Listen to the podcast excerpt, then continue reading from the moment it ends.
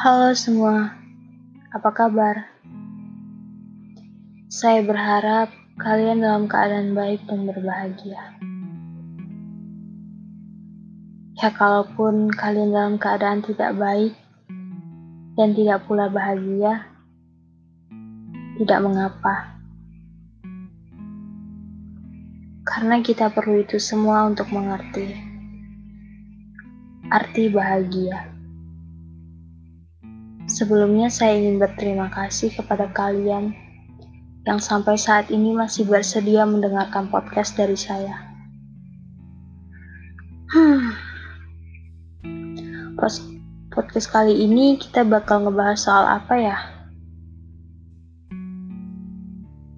Sebenarnya saya tuh udah ada materi yang pengen saya bawain buat podcast saya.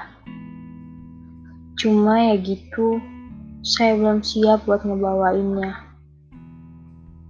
Lebih tepatnya sih, belum siap buat ngebuka luka lama lagi. Mungkin nih kebanyakan dari kalian bingung, kenapa saya bilangnya belum siap ngebuka soal luka lama?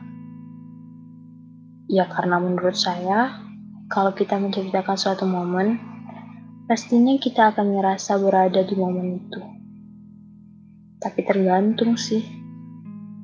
Balik lagi ke momen yang akan kita ceritakan. Kalau momen itu menyenangkan, maka saat atau setelah menceritakannya, kita akan mendapatkan rasa senang itu. Begitupun sebaliknya. Jika momen itu menyedihkan, maka saat atau setelah menceritakannya, kita akan mendapatkan rasa sedih. Dan saya belum siap untuk itu. Aduh, aduh, aduh, udah, udah, udah, udah, udah. Kita lanjutin aja lagi podcastnya. Kira-kira, kira-kira nih, kira-kira apa yang terlintas dalam pikiran kalian saat mendengar kata ikhlas? Kalau saya, yang pertama muncul di pikiran saya saat mendengar kata ikhlas adalah terima.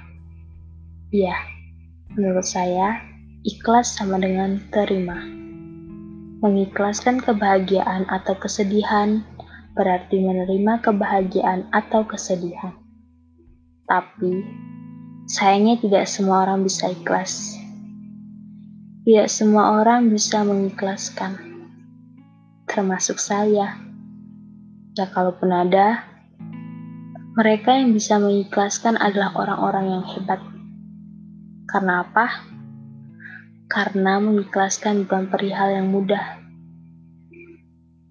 Tapi kalau dicoba, kita semua juga bisa kok buat mengikhlaskan.